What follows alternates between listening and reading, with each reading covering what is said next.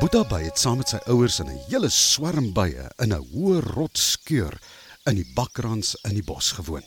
Die bye was baie besig want nou in die vroeë lente het baie blomme uitgekom en die bye moes hard werk om nektar na hulle nes toe te dra sodat hulle heuning kon maak. Boeta was so jong bytjie en sy ouers wou nog glad nie hê hy moes uit die nes uitgaan nie. En elke keer wanneer van die soldaatbye by die nes aankom, wou hy alles weet. Hoe lyk dit daar buite? Is daar baie blomme? Eh, Het julle ander diere gesien? Hy het nie vir 'n oomblik ophou praat nie.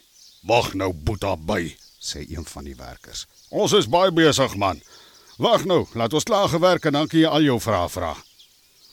En dan het Boeta by heeltemal back af teruggegaan na die korf toe waar hy saam met sy ouers gewoon het. In die aand was al die bye terug in die nes en dan het van hulle nog gewerk om die nektar in die korwe te pak. Op 'n dag roep die koningin by hulle almal bymekaar. Bye. Vandag gaan hier 'n baie belangrike ding gebeur. Ek raak nou oud en ons moet die sterkste hommel by kies sodat hy saam met my kan intrek in my korf. Hy sal sorg dat hier nuwe koningin eiers gelê kan word. En wanneer hulle dan uitbroei en larwes word, sal ons sien watter een van hulle die nuwe koningin kan word. Intussen moet julle almal baie hard werk sodat ons genoeg heuning het vir die groot somer wat voorlê. So gesê, so gedaan. "U Majesteit," Roep klein Boeta uit. "ek kan ek ook saamgaan. Ek sit die hele dag hier in die korf en niks doen nie. Kyk net hoe vet word ek van al die gesit." Boeta by se mamma raak sommer bleek. "Boeta, jy kan nie nou praat nie." "Maar mamma, ek wil ook baie dinge doen. Ek is mos nou al mooi groot." sê Boeta by. Net toe kyk die koningin by in Boeta se rigting. "My liewe aarde," sê sy. "Maar is dit nie Boeta by wat so mooi groot geword het nie?" Boeta se ma voel hoe haar keel toetrek.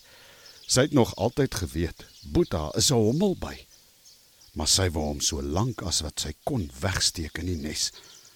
Nou het die koningin hom gesien, "Kom hier, jong man," sê die koningin. Boeta by laat glad nie op hom wag nie en stap sommer dadelik oor na die koningin toe. "En wat is jou naam, jong man?" Vra sy. "En my naam is Boeta by, U Majesteit." Sê Boeta ewe kordaat. "En waarom weet ek nie van jou nie? Want ek bly saam met my ouers in die agterste korf, U Majesteit."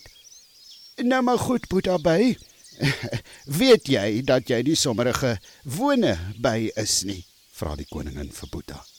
"Nee, U Majesteit." Sê Boeta by en sy oë is groot. Boeta, jy is 'n jong hommeltjie.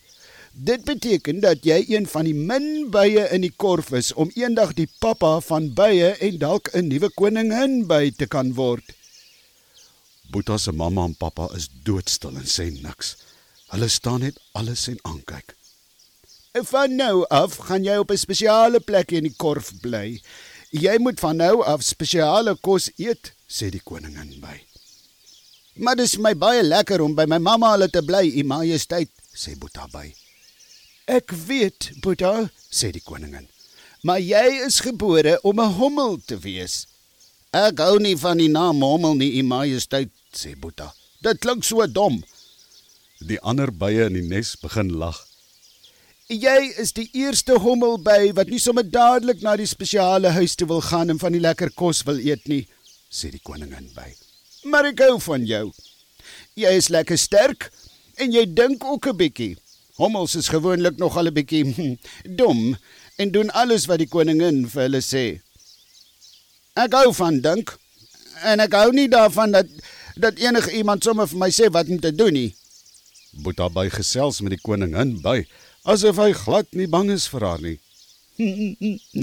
Dan is dit reg so, Boeta by. Groet nou jou ouers en dan stap jy saam met die ander bysoldate na jou nuwe mooi huis toe. Ek is seker jy gaan sommer baie gelukkig wees daar en jy kan enige tyd vir jou ouers gaan kuier as jy wil. "Ah, oh, dit klink vir my reg," sê Boeta by. En wanneer die volgende seisoen aanbreek, gaan jy die geleentheid kry om die groot vlug van die hommels te vlieg. sê die koningin by. Wat is dit? Vra Boeta. Die koningin lag weer lekker. Toe maar, moenie jou daaroor bekommer nie. Jy sal wel sien. En daarmee het die ander soldaat by 'n verboeta by daar weg na sy nuwe huis toe in die nes.